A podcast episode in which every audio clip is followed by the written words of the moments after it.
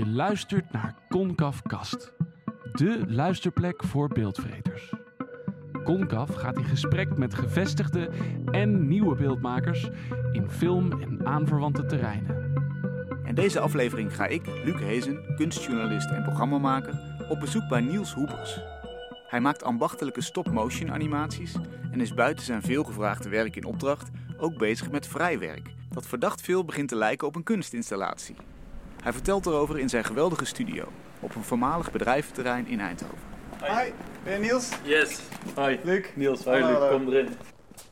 Laten we eerst eens beginnen met eh, de plek. Waar zijn we? Ja, nou we zijn hier op eh Sectie C. Dat is een groot bedrijventerrein waar we sinds 2009 zitten. Ehm, ik ben hier met een groepje als een van de eerste eh, terechtgekomen. We kregen toen de sleutel eh, van dit terrein. En ja, je moet je voorstellen, dit zijn echt... Er staan misschien hier wel 15 gigantisch grote panden op dit terrein. Er is een oud metaalbedrijf hier, eh, waar ze volgens mij verkeersborden en lantaarnpalen maakten. En wij kregen toen de sleutel om dus te gaan kijken van of hier geschikte ruimtes zaten. En wij waren toen, nou ja, we zaten richting het afstuderen. Eh, en we dachten van, jezus, het is één grote speeltuin. Dus je mag door al die gebouwen rennen, eh, kijken achter elke deur wat er allemaal te zien is. Dus dat was echt te gek.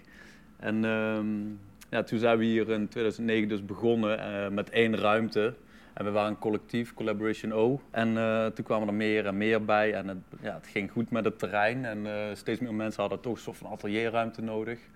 En nu, eh, nou ja, bijna tien jaar later is het hele terrein vol. En volgens mij zitten hier over de 300 kunstenaars en creatieven en van alles. Eh, Er zitten hier eh, nou, veel ontwerpers, fotografen, kunstenaars. Er zitten ook kleine bedrijfjes die, die kunnen eh laserprinten of eh, lassen of experts op kunststofgebied. Of, maak maar op. En we krijgen ook steeds meer een sociale rol hier, omdat we een soort van bepaalde jongeren bijvoorbeeld opvangen hier. En dat is een soort van sportschool. Ah. Eh, ehm, dus ehm, ja, er gebeurt van alles hier. Dus dat is heel tof om juist die mix te hebben van creativiteit met sociaal, met eh, ja, een klein, kleine industrie. Ja. En, Ja. en we staan nu bij een werkblad. Hier liggen jouw, jouw materialen. Ja, dit is mijn, bij mijn werkplaats. Ik, eh, ik maak dus stop-motion animaties. hè. Stop-motion animaties, dat zijn gewoon... ik bouw dus miniatuursets. Is een beetje de bekende buurman en buurman eh, animaties. eh. Dus ik vind het heel tof om zo fysiek bezig te zijn. Ik hou, ik, ik hou enorm van animatie, maar ik hou nog meer om met mijn handen te werken. Dus daar is stop-motion gewoon een eh, ideale tool voor mij om mij uit te drukken. Dus ik kan gewoon een, een verhaal, concept bedenken. Dat kunnen we dan vormgeven. eh dan beginnen we een beetje te schetsen, storyboards. En dan gaan we in de werkplaats gaan we de, gaan we de sets bouwen. En Ja. eh, de poppen en props of wat er voor nodig is om die animatie tot leven te wekken. Dus dit is de werkplaats. Hier, hier kom je eigenlijk binnen in de loods, om het zo maar Ja, te zeggen. ja. En hier is een, een ander hok, waar het ineens best wel donker is. Ja, precies. Nou, we kregen die hal en die hal was best wel donker en dat was best wel ideaal voor mij voor stop motion. Maar ja, mijn collega's die zeiden van ja, we willen ook wel licht binnen en ik wilde dat eigenlijk zelf ook wel. Dus wij hebben sowieso eerst hebben we in de gevels eh, grote deuren gemaakt en eh, sommige van mijn collega's die vonden het leuk om zeecontainers naar buiten te schuiven. En dat is de kant van het zuiden, dus dat is ja, heerlijk. Daar schijnt de zon lekker binnen. Ja. Maar ja, dat is voor mij natuurlijk voor stop motion meteen ook gewoon een, eh een crime, want ja, ik wil mijn licht zelf kunnen controleren. Dus Ah, Ja, voor jij moet een donker hok hebben waar je precies weet Ja. waar het licht vandaan Dus ik moest mezelf een soort van eh, black box bouwen, zeg maar, eh, voor mijn animaties. En daarnaast heb ik ook van voorgaande plekken geleerd, als wij een grote loods hebben en we hebben de hoogte, nou, knal er een verdieping in, want dat zijn allemaal gewoon vierkante meters die je extra hebt natuurlijk. Dus Ja. ik dacht van, nou goed, ik investeer gewoon even in een goede degelijke verdieping, bouw ik er bovenop mijn kantoor en onder is dan gewoon mijn black box, zeg maar, voor mijn eh, animaties. ja, dus daar staan we nu. Ja, En ehm, nou, laten we eens naar deze lopen. Hier staat dus een set waar jij op dit moment mee bezig bent. of Ja, precies. Hier ben ik, ik, ik bouw heel snel soms met muurtjes en die ik al heb, bouw ik heel even snel soms een set. Want het is voor mij fijn om door de camera een beetje composities te, te bekijken en eh, hoe ik dingen kan uitlichten. Want ik kan wel dingen heel mooi tekenen in een storyboard, maar dan is het nog een ander verhaal als ik het fysiek in het echt maak. Dus Ah, ja. ik hou er soms wel van om even met volumes te werken. Al is het soms karton en wat kartonnen dozen en wc-rolletjes. Gewoon om even wat volumes te hebben. Een beetje zoals, ik kom vanuit je ontwerphoek, dan zouden we het rapid prototyping noemen. Zo Ja. noem ik dat af en toe ook wel eens met, met even snel de set opbouwen. En dan zien we een soort van oude, zagrijnige man. met Ja, met een appeltje. Ja, ja, een Eh, klokhuis in zijn ja, hand. een klein klokhuisje heeft hij in zijn hand. Ja, die animatie gaat dadelijk heel erg over het, over, over het eten. En dat is bijvoorbeeld, eh, nou ja, ik heb hier bijvoorbeeld ook allemaal eh, zakjes met aardbeien. Oh ja. En eh, nou lang leven AliExpress, moet ik hierbij zeggen. Oh, dit is geen, sponsoring hier. eh, oh, nee. nee, dat was eh, Een soort andere mandarijnen China-winkel. patjes, heel klein. Ja, precies. Miniatuur mandarijnpatjes. Want ik, ga het- moet straks dus twee buffetten creëren. Eén volledig vegetarisch en één volledig vlees en kaas en, en een zuivel eh, Ah, ja. Dus dat, daar kijk ik wel naar uit. Dat vind ik wel echt tof om gewoon echt nou ja, heerlijke biefstukken te maken. Die dan ook een beetje echt voelen. Maar ook gewoon mooie fruitcocktails. Of, eh, Ja, en die maak dus, je eh, allemaal zelf. ja, ja. Maar dit is bijvoorbeeld ook, dit is een brood, dat zie je, dit, dit is gewoon een echt brood. Een stagiaire van mij een keer gemaakt. Die dacht van, ja, waarom gaan we een brood faken? Als ik gewoon een brood maak en ik maak dat deeg heel erg zout en we bakken het gewoon heel goed. Het Ja. is gewoon volledig ingedroogd. Dus het gaat ook niet schimmelen, maar het ziet Dus er wel... is 5 centimeter breed ongeveer en ja, dan echt precies. brood. Maar dit is dan ook gewoon echt brood. Ik hou ervan als dingen echt echt zijn. Want je kan alles wel faken, maar het is soms heel moeilijk om in miniatuur die schaal mee te verkleinen, zeg maar. Ja. Want eh, het is net zoals dat truitje wat die pop aan heeft. Die is heel fijn gebreid en dat heeft mijn moeder dan gedaan. Die heeft me daar ook op vervloekt, want die heeft zitten breien met breinaalden van een millimeter. Maar dat is heel snel met stop motion dat zo'n trui al te grof voelt, zeg maar. Qua, qua breisel. En dat vind ik gewoon altijd zonde als je stop motion doet en je stopt er veel tijd in. Dan vind ik het ook heel belangrijk dat ook alles meeschaalt en mee ook klopt. Want schaal is snel al iets wat het verraadt dat het ja, Neppig lijkt. Ja, ja, neppig lijkt of niet echt is. Of dat het. eh, ja, dat vind ik gewoon een stoorzender. Ja. Zo, Dus, het is eh, inderdaad een ongelooflijk kleine, kleine, fijn gebreide trui. Ja, Een soort Herman Koch-achtige oude figuur daar, daar, die erin zit. ja. Nou ja, en zo probeer ik gewoon dus ook echt een materiaal te vinden. Net zoals hier, dat zijn dan borden die op tafel staan. Maar die zijn dan echt van, eh, ook gewoon echt van porselein. Dat vind ik gewoon fijn als het ook gewoon echt echt is, dan dat het een plastic bordje zou zijn of zo. hoe kom je eh. dan aan zo'n bordje? Ja, ook via die grote Chinese webwinkel. eh, Die, Die we niet, eh, cateren nog voor Madurodam of zo. Wat was Sorry? Die cateren voor Madurodam of zo. nou ja, gewoon die Chinezen die zijn sowieso helemaal gek op alles wat miniatuur is. Dus wat dat betreft is dat wel een ideale wereld. Het enige nadeel is bij al dat Chinese spullen is vaak dat er een gaatje ingeboord zit. Want volgens mij vinden ze het leuk om er overal een sleutelhanger van te maken of zo. Maar ja, goed, dan kunnen we nog wel eh, het bordje zo plaatsen dat het, dat het niet echt opvalt. Ja. Hey, en, en dit is dus het prototype eigenlijk voor een set van een stop-motion filmpje. Ja, Hoe lang doe jij over een stop-motion filmpje? Hoeveel werk gaat er in een minuut stop-motion zitten? ja, dat verschilt heel erg. Kijk, popanimatie is best wel arbeidsintensief, omdat je echt met menselijke karakters werkt. En je ziet ook gewoon meteen als dat niet klopt, zeg Mm. maar. En die emoties die moeten een beetje echt zijn. Maar als ik bijvoorbeeld, ik, ik animeer ook wel eens abstracter dingen. Hier heb je bijvoorbeeld eh, een groot chocolade Dat moest ik eh, een paar weken geleden voor, voor Max Havelaar animeren. Ja. En dan ben ik dat ei aan het animeren wat mag exploderen. Dan animeer ik daar een, een dag op, zeg maar. Ah, Oké. Dat dan heb je relatief snel een animatie. Maar ja, als ik een popanimatie doe, ik heb hier nou twee weken voor gerekend, puur animeren. En dan moet ik ongeveer een film van een kleine minuut hebben. Ah, ja. Zo. Dus, eh, maar ja, goed, hier, hier zie je mijn storyboard hangen. Dus dan af en toe kun je ook wel een beetje kijken van, nou, oké, hoe kan ik mijn storyboard zo aanpassen?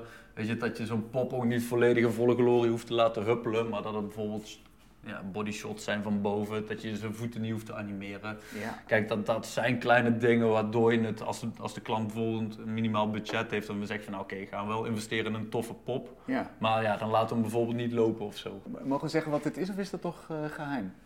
Eh, dat is een goede vraag. Dat dan naar buiten mag? Ja, ja, ja, ja, ik weet niet wanneer wordt het uitgezonden. nou ja, nou, laten we nog even eh, zo houden, Ja, zeg maar. eh. oké, oh, spannend, hè? Spannend in dit telegesprek. Hier kunnen we wel over praten. Is er nog Ja, een set? ja, precies. Ja, dit is een soort van landschap. Je ziet nog een klein beetje, als je hier op je knie een beetje gaat zitten, dan Ja. zie je het perspectief. Want dat merk ik ook altijd. Als mijn sets zo staan, dan denk je van, nou oké, ik zie hier wat platen liggen met wat zand en wat huisjes en zo. Het ziet er altijd toch een beetje raar crapje uit. Maar dat vind ik juist tof als je dan je camera gaat neerzetten en je gaat het licht erop zetten. Weet je, dan wordt het in één keer een wereld. Want dan zie je de blauwe achtergrond, dan klopt het gewoon in één keer. En, dan, eh, Ja. en dit is een soort van woestijnlandschap en ik ben bezig met een project. Dit is misschien mijn eh, nou ja, meest grote uitdaging die ik tot nu toe in mijn laatste tien jaar ben aangegaan. Dit is een animatie Die gaat eh, een maand lang duren, dus die duurt 720 uur, stop motion. En dat is dus voor mij enorm de uitdaging om die gewoon technisch heel slim in elkaar te zetten. Want ik werk met heel veel loopende filmpjes, zeg maar. Maar ik wil niet dat, het, dat mensen het gevoel hebben dat ze naar een loopend filmpje kijken.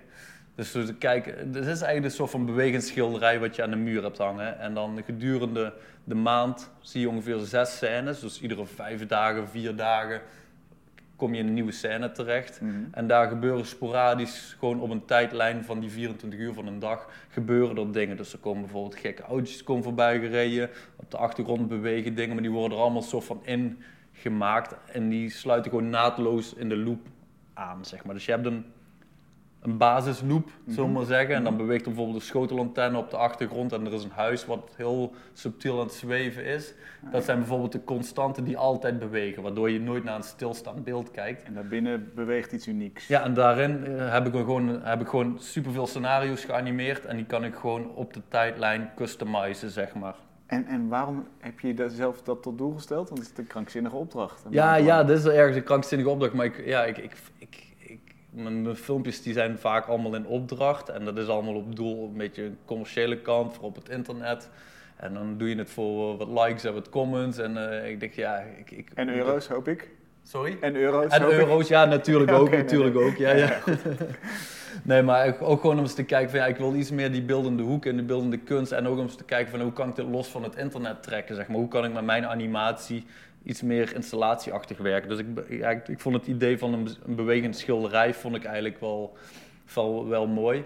En het, ook het hele idee van het internet, dat gaat allemaal zo, dat gaat, draait allemaal om snelheid en eh, activiteit en entertainment. En dat is allemaal zo in je face en honderdduizend filmpjes op een dag. Mm. Ik vind het zo snel gaan. Daarom heet mijn project ook Slow Stories. Want ik wil mensen gewoon weer even terugfluiten en, en gewoon zelf een beetje verwonderd laten raken. Dat ze naar zo'n schilderij kijken en daar heel subtiel leven in zien. En sporadisch gebeuren daar dingen in. In mijn animatie wordt het bijvoorbeeld ook gewoon om 7 uur schemering en om 8 uur is het donker. En dan heb je een soort van nachtprogramma. Dus het wordt ook ja, real time. In die animatie wordt het ook gewoon nacht. Waar, En- waar zien we dit? Waar kun je dit zien? Ja, dit, daar ben ik nog mee bezig, zeg maar. Eh, straks, ik hoop tijdens de Dutch Design Week hier mijn eerste eh, project neer te zetten, zeg maar. Ja, want het zal wel op een scherm moeten natuurlijk. Ja, precies. Maar het kan goed zijn als je dan binnenkomt lopen, dat, dat je net een stukje saaie scherm eh, tegenkomt. Of misschien dat daar net wel veel dingen gebeuren. Ja. Dus dat, maar dat vind ik ook mooi. Als mensen dat zoiets zo thuis zouden hebben hangen of zo, dan zou het ook zijn als ze s'nachts om vier uur een keer naar de wc gaan, dat daar in één keer iets heel raars s'nachts om vier uur gebeurt. Want dat is eigenlijk een kalender die ik vol kan programmeren. Dus ik kan ook zeggen van oké, 31 december om 12 uur krijg je allemaal vuurwerk te zien. Goed. Dus ja, ik, ik, ik vind dat wel een tof gegeven. Dat ik zeg van, nou ja, s ochtends als iedereen aan het ontbijt zit, nou, misschien krijg je dan ook wel een soort van ontbijtscènes of zo. Om gewoon een Beetje beetje... bakken voorbij rijden. Of Ja, ja, bij wijze van spreken. En, en, en ik vind het juist leuk als mensen kijken en ze zien sp- spontaan dat fragmentje even voorbij komen. En dan vijf minuten later is het weer weg. Maar ook gewoon om het niet allemaal letterlijk voor te kouwen wat mensen zien en moeten voelen. Dus het is ook een beetje een abstract verhaal. Mensen een beetje zelf aan de verbeelding overlaten wat ze zien. En, ehm, Er is één iemand die het al gezien heeft, vertelde je net voordat de microfoons aangingen. Oh, ja, ja, ja, ja, precies. De koning. De koning. Onze koning. Die ja, heeft ja, precies. gezien. Ja, ja, precies. Nou, dat, was grappig, want de pers kwam hier en zoals ik net ook tegen jou zei, van oh, moet je even op je hurken gaan zitten, dan kun je dat landschap zien. Toen zei ik ook tegen de koning, ik zeg, kijk maar dan kun je een beetje naar van je landschap. En er was allemaal pers omheen en die vonden dat natuurlijk super interessant, want dan gaat de koning in één keer op de hurken zitten, een beetje met de ogen knijpen om een landschap te aanschouwen. En, Wat vond nou ja. hij ervan? Hoe reageerde hij? Nou ja, hij was over het algemeen wel enthousiast. Ik, ik weet ook niet meer. Het was ook gewoon, het ging allemaal zo snel, weet je wel. En je hebt zoveel ideeën van wat je wil vertellen. Dus eigenlijk vliegt het ook voorbij. Dus ik weet ook uiteindelijk helemaal niet waar we het echt over hebben gehad. Maar, maar en, en kende hij het concept van stop motion bijvoorbeeld? Ja, dat precies. Ja, hij vroeg zich heel erg af wat dat tegenwoordig, of dat tegenwoordig nog populair was. Omdat ja. het toch een oude ambacht eigenlijk is. En eh, ja, tegenwoordig met allemaal die computertechniek en, eh, en computeranimatie, die CGI, waarom, waarom stop motion nog bestaat of zo. Dus dat was natuurlijk wel een oprechte, eerlijke vraag, zeg maar. En, eh, Ja. nou ja, goed, ik denk dat er altijd een tegenhanger blijft tegen al het, de versnelling van het digitale. Dat er altijd een ambacht eh, overeind blijft, zeg maar. Dus net zoals dat mensen soms liever nog een, een schilderij met olieverf aan de muur hebben hangen... dan dat ze een print aan de Print, muur ja, hangen. natuurlijk. Ja, ik denk dat het, het is gewoon ook het menselijke, het, hand, het handwerk. Dus het is wel vaak bij die animaties dat het wel een een plus is als je erbij laat zien hoe het gemaakt is. Als mensen een stukje set zien of een, een making of, waardoor je ziet dat het arbeidsintensief is. Want dat moeten we er bijna bij hebben om toch even die credits te kunnen krijgen. En heeft de koning ook eh, een eigen stop-motion ding besteld of zo? ja, ja, ik ben nou hof, dan- eh, hofleverancier. Hofleverancier, ja, wat. Nee, nee, ja, nee ik, ik, ik heb ze nog een setje postkaarten meegegeven van een, van een project waar ik nou nog mee bezig ben. eh, met een soort van miniatuurboeketten. Kan ik zo even wat laten zien. Ja, want die neem je dan weer bovenop, hè? Ja, boven heb ik nog een heel klein animatiestudiootje. Daar, eh, dat is een beetje mijn tweede black boxje, Aha. zeg maar. En, eh, En dit is dus de verdieping waar je het over had, die je gebouwd Ja, hebt, hè? een trap die gewoon 20 keer per dag op en neer loopt. Ja. Nou ja, dus, dus eh meer de kantoorruimte waar ik gewoon mijn nabewerking een beetje doe. Of eh klantontvang of soms nog wat, wat, wat schoner werk verricht. Maar hier heb ik dus ook een kleine animeerruimte. 2,5 bij 3 meter of zo ongeveer. En er staat mijn oude afstudeerproject. Dat was een animatietafel. ehm, en ik dacht na mijn afstuderen in 2010... Als ik nou zorg dat ik een soort van kleine animatietafel maak Mhm. waar alle tools op bevestigd zitten, dan heb ik meteen een goede tool waarmee ik kan gaan beginnen, zeg maar. Dus hier, nou ja, ik heb bijvoorbeeld allemaal, ik kan een laptop steun op iedere hoek neerzetten, als in de grid, Oh, waar ik alles op vast kan schroeven, maar ook statieven, verlichting, van die sethoudertjes voor, een, eh, voor, voor kleine setjes rechtop te houden. Een hele, hele verrijdbare studio eigenlijk. Ja, precies. Ja. ja, en dan kun je helemaal elkaar halen, maar ook gewoon voor riggings die je dan kan verplaatsen. Dus ja, dit is nou nog een, goede, een goed meubel voor af en toe wat kleine oefeningetjes, ook met stagiairs. Waar ze even mee kunnen spelen. Ja. Maar goed, los van dat feit, ik was dus met miniatuurbloemen bezig. Hier zie je zo'n mini boeketje, die heb ik eh, voor, voor, vanochtend vers geplukt hier in de straat. Super kleine bloemetjes Ja, ik kan de lamp eens even aanzetten. en een klein vaasje. Ja, dus die bloemen, dat vind ik zelf wel tof. Want wat ik al zeg, ik hou heel erg van echtheid van materialen. En ik had een keer een animatie, daar wilde een klein, klein boeket in zetten. Ik dacht, ja, ga ik die bloemetjes nou allemaal maken? En toen keek ik het raam uit en toen zag ik daar van die kleine bloemetjes buiten groeien. Ik dacht, hé, hey, wacht eens even. Heb ik zo'n klein boeketje geschikt, zag er super tof uit. En echter dan dat kun je het bijna niet eh, krijgen in, in je animatie. Dus Ja. nou ja, hier zie je een beetje hoe zo'n zo'n boeket eruit ziet. Dus is een soort van zwevend vaasje in de ruimte. Dus Mhm. dat kleine stokje, dat shop ik nog weg. ja, op een statiefje staat hij Dan een klein statiefje. En eigenlijk ben ik dus iedere dag ben ik dit miniatuurboeket aan het vastleggen, zeven dagen lang. En ik ben de vergankelijkheid eigenlijk vast aan het leggen. Dus het water in het vaasje raakt op. Bloemetjes gaan langzaam hangen. Sommige die gaan nog zeg maar open. Dus je ziet dat boeket gedurende de dag, gedurende de week, zie je het veranderen. Ja. En ik ben 52 boeketten aan het maken, zodat ehm dat wordt uiteindelijk ook een digitale installatie, een groot scherm, eh, waar gewoon iedere maandag krijg je een vers nieuw boeket. En dan zie je hem gedurende de week aftakelen. Dus zondag heb je een helemaal ingedroogd boeket. Het wordt niet snotterig, zeg maar. Het droogt gewoon heel mooi in. Mhm. En dan om zondag, op zondag heb je dus een, eh, een, ja, een boeket wat eh, een beetje is vergaan, maar wat zijn eigen schoonheid met zich meebrengt. Je ziet heel vaak dat de kleuren best nog wel soms intenser worden, omdat de andere kleuren erbij vervagen. Dus sommige kleuren, zoals stuifmeel, lijkt er bijna geler en intenser te worden. Maar ook al die kleine details, die haartjes die je overal ziet, die, die zorgen toch voor een rare vervreemding in het boeket. En dat vind ik heel erg, eh, heel erg tof. Ook dat je je een beetje machteloos voelt. Je, bent er je wordt er een beetje aan overgeleverd. Dus eh, je, kan, je ziet dat water opraakt, maar je kan hem geen water geven. Je moet me gewoon accepteren dat hij heel langzaam eh voorgaat. En ja, ik vind het dus heel tof. Want, ja, voor mij is het belangrijk dat als mensen dat boeket zien, dat ze in eerste instantie denken, oh, dat is een echt boeket. Mhm. Want die verfijndheid die erin zit, die moet ook wel kloppen. Want je hebt heel snel, wat ik net ook al zei met die animatie, dat dingen in verhouding snel een beetje dik en chunky zijn als je Ja. dingen gaat verkleinen. En dan voelt het gewoon niet meer verfijnd of zo. Dan, dan, dan gaat dat de aandacht trekken, omdat het, je ziet van, ah, het klopt niet helemaal die verhouding. Daarom wil ik dat die boeketten ook gewoon heel mooi verfijnd blijven. Waardoor je in eerste instantie denkt van, oh ja, kijk naar een echt boeket. Ja, Maar dan vervolgens zul je in dat hele jaar geen enkele tulp, roos of lelie zien.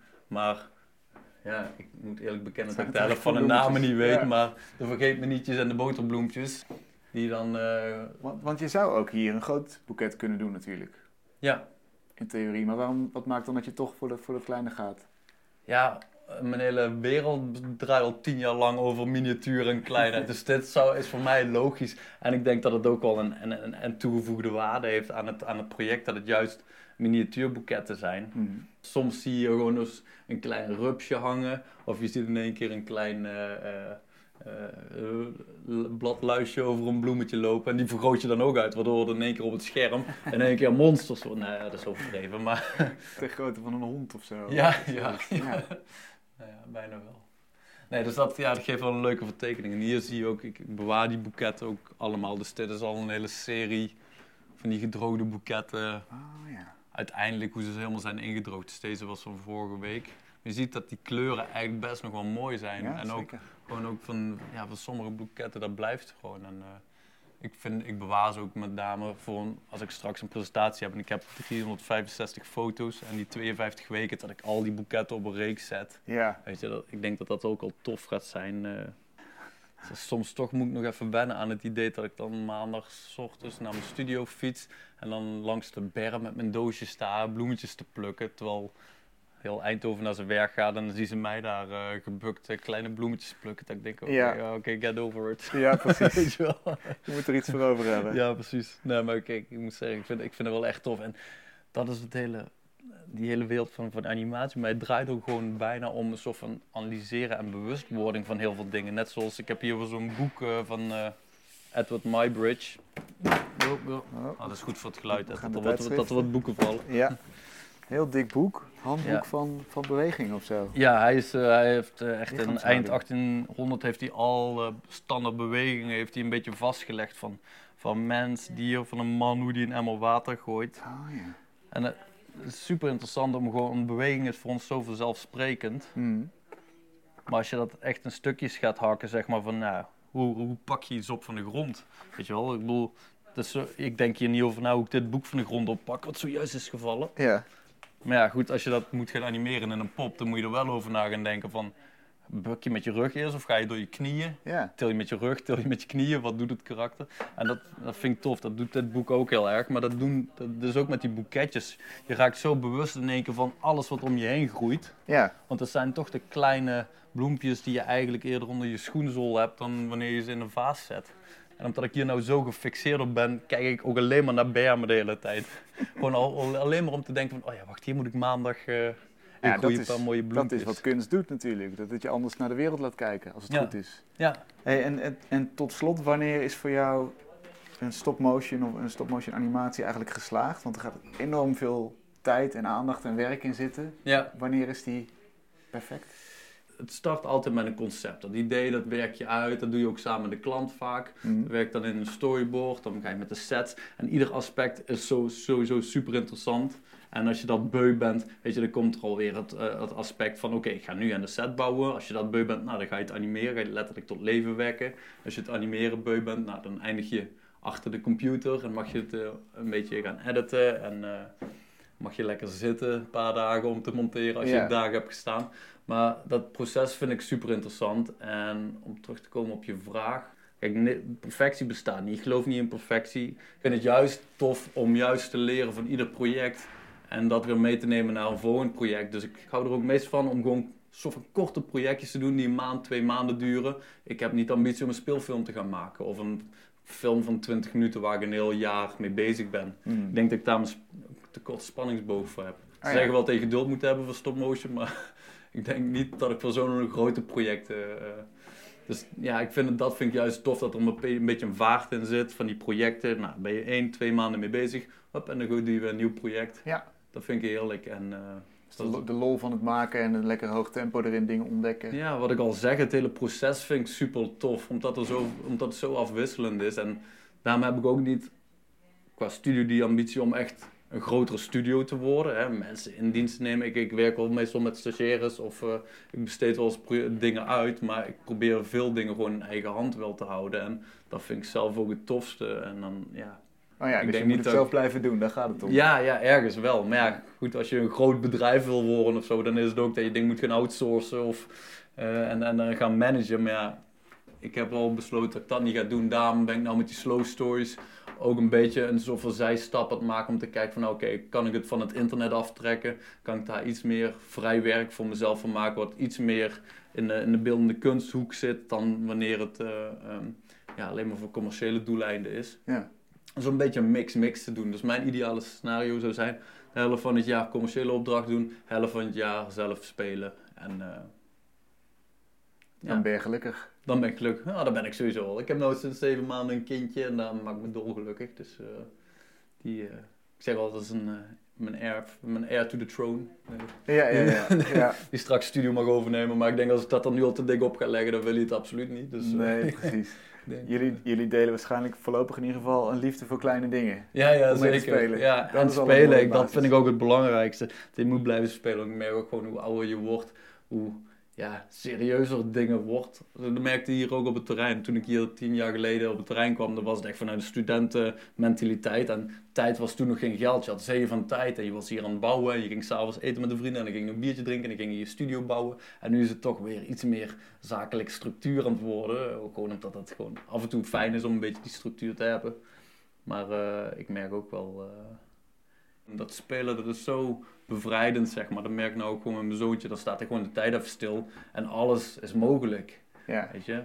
En dat is, dat is heerlijk om af en toe te ervaren. En daar probeer ik met mijn projecten af en toe ook gewoon bewust van te zijn. Dat ik denk, oh ja, alles moet gewoon in eerste instantie mogelijk zijn. Dan moet je het nog wel op een bepaalde manier kunnen verkopen aan de klant of zo. Maar eh, wel die vrijheid bewaren. Want ik denk, ja, alleen die vrijheid die geeft ons ja, de, de- de- de ruimte om te kunnen dromen en te kunnen eh, verbeelden. En eh, om je eerst, in eerste instantie vrij te voelen. Dat heel belangrijk is.